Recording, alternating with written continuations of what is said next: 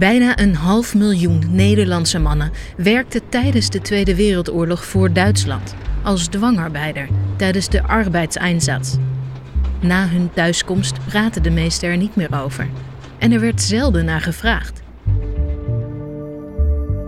Dit is het verhaal van vijf van de laatste nog levende getuigen: Cor, Wim, Co, Pieter en Ben.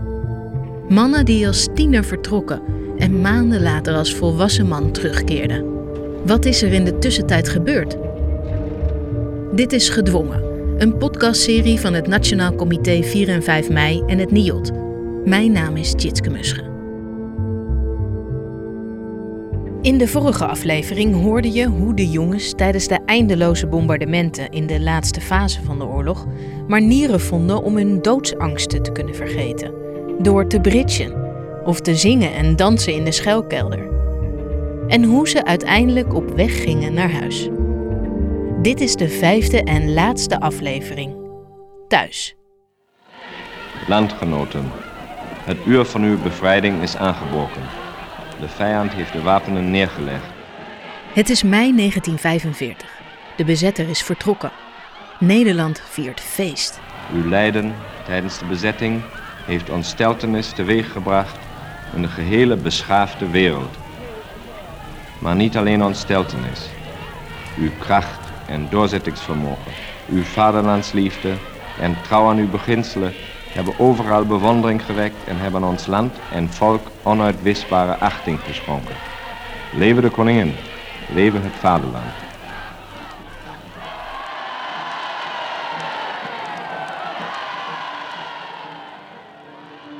Cor van Dijk doet niet mee aan de feestvreugde. Hij zoekt een fiets. Dag en nacht uh, luchtalarm. Hij is terug in Nederland, maar wordt tegengehouden in Eindhoven. Hij mag nog niet naar huis.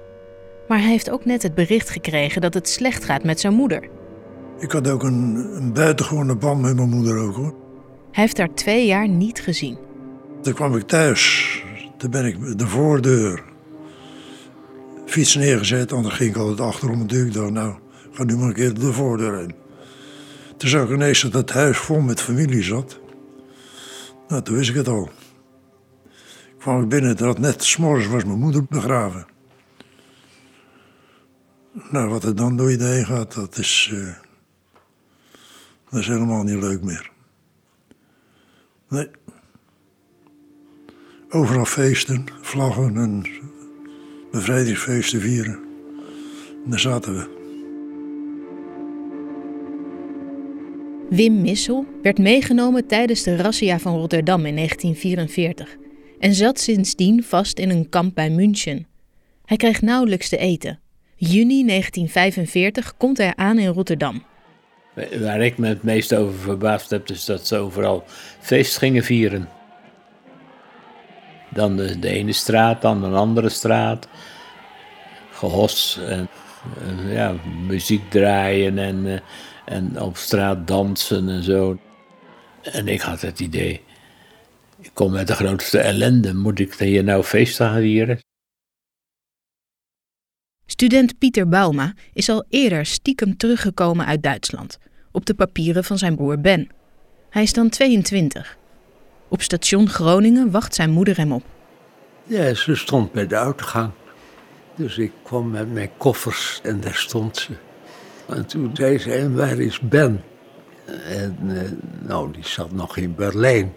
Dus uh, dacht, hou, hou je zo stil, want er stonden allerlei andere mensen. Die, die moesten dat helemaal niet horen. Die, die, moesten niet horen dat ik uit Berlijn kwam en zo. Ja, je bent altijd bang dat, dat zo praat je. Oh, we hebben hem ook weer gezien. En uh, even later komt dat in verkeerde handen. Dus ik dacht, moeder, hou je nou stil. Nou, ik zeg gauw naar huis.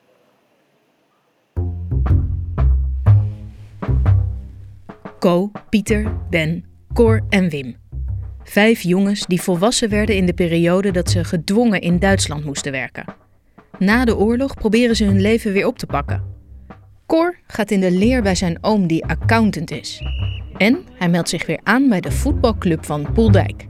De meesten hadden in Duitsland gezeten. Die waren heel teruggekomen. Hadden ook het nodige meegemaakt. Ja, die melden zich allemaal weer aan. En uh, we gingen weer rustig verder. Dat was ook weer een, een, het van je afzetten van natuurlijk. Hè? Gewoon eh, normaal bezig zijn, dat, dat moet gebeuren. Pieter vertrekt na de oorlog weer naar Delft om verder te studeren. Ik heb natuurlijk in de studie wel twee jaar verspeeld. Ik ben toen na de oorlog weer naar Delft gegaan, maar dat was toen in het begin niet zo makkelijk allemaal. Je had niks en uh, er was nog niet veel te eten. En die, die, eerste naoorlogse jaren waren die ook niet zulke mooie jaren hoor. Nou ja, ik ben er doorheen gekomen.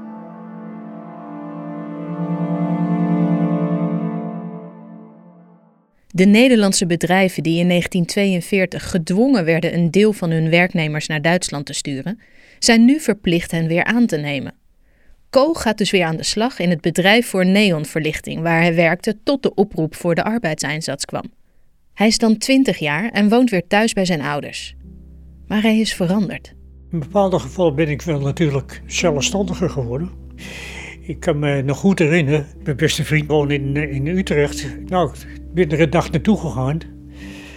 En ik ben er blijven slapen. En toen kwam ik thuis, zei mijn moeder, dat flik je niet voor de tweede keer. Wim Missel is 18 als hij terugkeert uit München. Ook hij heeft moeite zich opnieuw te schikken naar de traditionele verhoudingen thuis. Het moeilijkste heb ik gevonden was weer kind te worden thuis. Hè?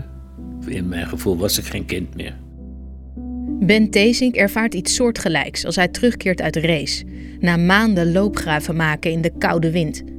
Hij is 16 jaar oud en moet weer elke dag naar school. Zoals je een leraar hebt die op een gegeven moment zegt: Zo is het, de discussie is niet gesloten. Dictoraal, een potent, potentaten had je bij die leraar hoor. Man, je weet niet waar je over praat. Nee, dat lacht me niet meer. Had een buurjongen die in, de klas zat, die kwam uit Indonesië. En die had in, in een jappenkamp gezeten. We konden elkaar goed begrijpen. In de eerste jaren na de oorlog gaat het veel over helden, over militairen en over mensen die in het verzet zaten. Maar er wordt nauwelijks gesproken over het leed dat mensen in de oorlog hebben doorgemaakt. Niet over de Jodenvervolging en de concentratiekampen. Niet over de Japanse interneringskampen of de hongerwinter. En niet over wat de dwangarbeiders in Duitsland hebben meegemaakt. Cor. Tegen mijn vader heb ik wel eens het een en het ander verteld hoor. Maar die zei maar van, ik zou het maar niet verder vertellen, want uh, iedereen heeft zijn eigen, aan, aan zijn eigen narigheid genoeg. Ja, dat was ook zo. De Joden, wij wisten niet eens waar ze heen gingen toen. Ja, toen je dat allemaal te weten kwam, dan dacht je, ja, vreselijk natuurlijk. Hè. Wat hebben die mensen, wat hebben die meegemaakt? Dan hebben we wat wij meegemaakt hebben, dat is niks. Het leven in Nederland staat op dat moment in het teken van de wederopbouw. Er is geen tijd om na te denken over het verleden. Toen was het naar de toekomst kijken. Je moet zien dat je weer aan de gang komt. Je moet weer meedraaien in de maatschappij. Zien dat je een baan krijgt vooruit eh, naar de toekomst. Nederland moest opgebouwd worden. Echt, we moesten opbouwen, werken.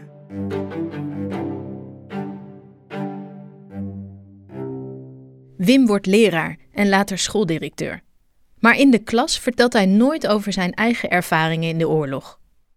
Ik kon best vertellen over uh, de problemen die de broers van uh, de prins van Oranje hadden bij Heilige Lee. Een stukje Nederlandse geschiedenis.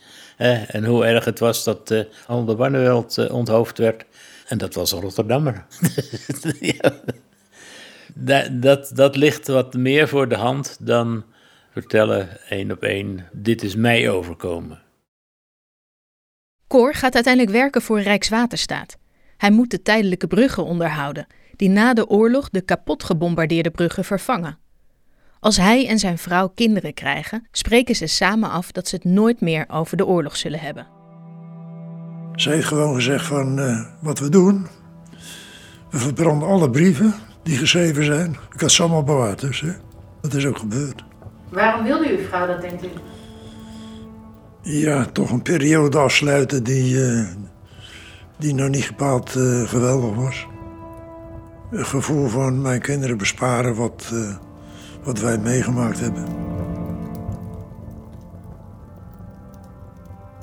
Maar ook de brieven die mijn moeder naar mij geschreven, die zijn toen ook verbrand. Daar ik een hekel aan hoor. Nu achteraf denk ik, dat had je nooit goed moeten vinden.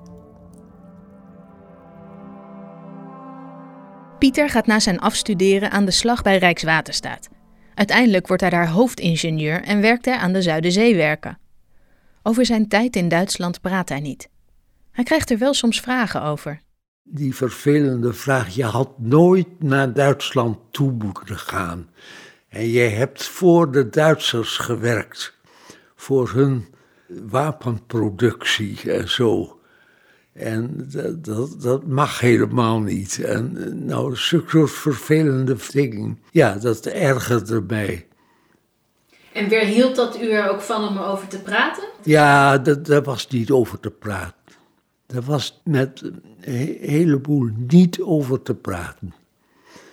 Het was goed en slecht en zij hadden hun oordeel geveld. Je kon beter je mond maar houden.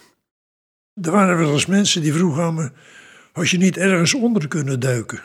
Nou ja, die man die weet gewoon niet hoe de situatie toen was eigenlijk. Hè? In aflevering 3 hoorde je dat Cor ook ondergedoken was, na de eerste oproep die hij kreeg. Maar bij de tweede oproep kon hij zich niet langer verschuilen.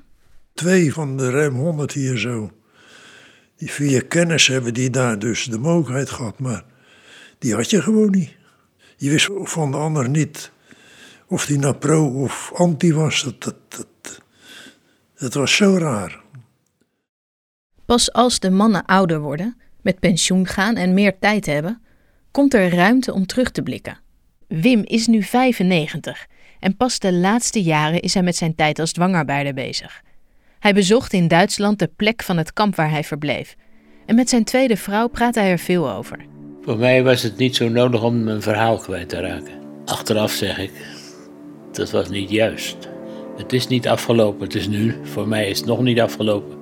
Pieter Bauma is nu 99 jaar oud. Elke twee weken bridget hij met vrienden. Dan denkt hij nog wel eens terug aan zijn uren in de schuilkelder in Berlijn. Die bombardementen hebben mij erg aangegrepen. Dat is niet anders, hè? Ook door mijn eigen domheid, hoor. Ik had moeten bridgen, natuurlijk. 97 is Cor van Dijk inmiddels. November is nog altijd een moeilijke maand voor hem. In 1944 begonnen in die maand de bombardementen in het dorp waar hij op een wijnboerderij werkte. Nou, dit komt ieder jaar terug. Hè? Ieder jaar stevast, november. Er zijn er dus drie bombardementen, heb ik dan meegemaakt. Achter elkaar. Dat komt ieder jaar terug. Ja, in, in mijn, in mijn, in mijn gedachten dus. Hè? Nou, dan zie ik dus gewoon weer die vliegtuigen allemaal boven komen. Heb je weer eens duizend bombardementen vliegtuigen zien overkomen? Nee, hè? Nou, alleen het zien, maar ook het horen. Ja, dat is, dat is, dat is gigantisch. Ook de inmiddels 93-jarige Ben Teesink moet nog vaak aan zijn tijd als dwangarbeider denken. Bijvoorbeeld als hij s'avonds in bed ligt en overdag in de krant iets heeft gelezen over de oorlog. Kan gebeuren dat je dan ergens op een zijspoor komt en dan kom je ergens terecht. Het beeld van totale verlatenheid houdt me nog wel eens bezig. En ja, dan denk je dus, ja, het is wel zo. Het is een eeuwigheid geleden bijna. Nu, ja, het, is, het is meer dan 70 jaar geleden. Waar praten we nog over? Maar het komt gewoon weer terug. En Co Knuppelder? Die vierde onlangs ook zijn 96e verjaardag zo groots mogelijk. Zoals elk jaar. Hij kijkt liever vooruit. Ik heb ook gezegd, ik heb er nooit geen trauma over voorhouden. Ik heb helemaal geen narigheid meegemaakt. Ik heb altijd, nou ja, goed eten gehad.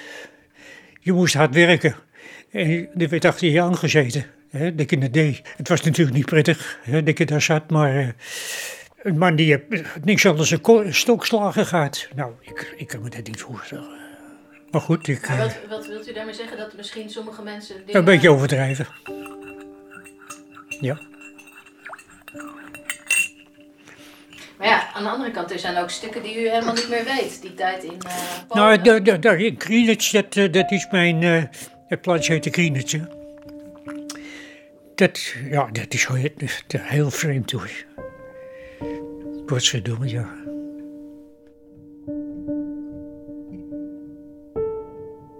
Het is een patroon dat je ook bij andere groepen oorlogsslachtoffers ziet. Naarmate de tijd verstrijkt, dringen de herinneringen zich op en komen de slachtoffers in actie. In 1987 richten ex-dwangarbeiders een vereniging op. Die behartigt de belangen van Nederlandse dwangarbeiders in de moeizame internationale processen tegen Duitse bedrijven om een schadevergoeding te krijgen. Soms met succes. Ik denk dat het achteraf gezien is de behoefte om een stukje erkenning te hebben, is groter naarmate je ouder wordt.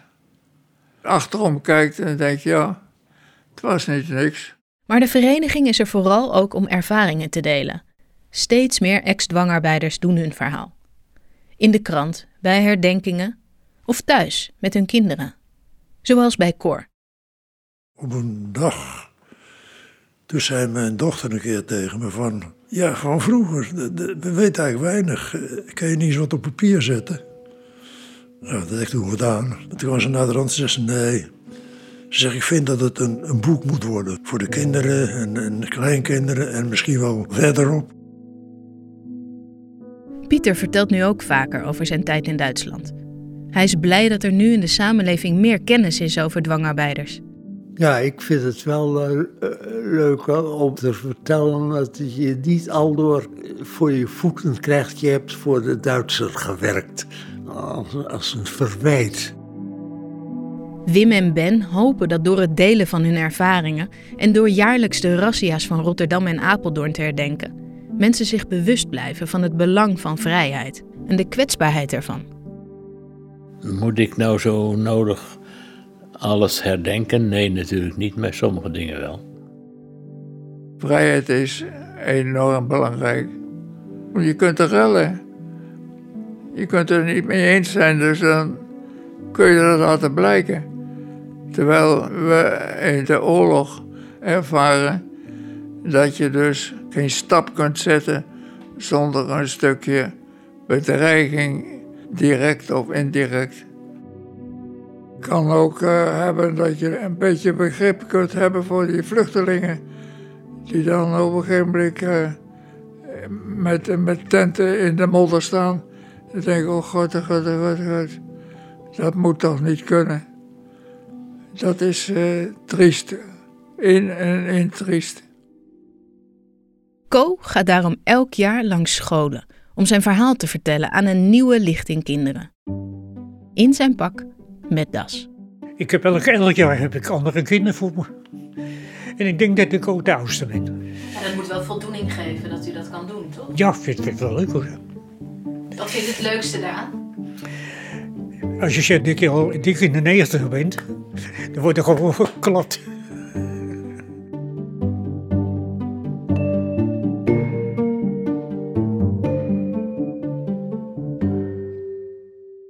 Dit was de laatste aflevering van Gedwongen, een podcast van het Nationaal Comité 4 en 5 mei en het NIOT, geproduceerd door Aldus Producties.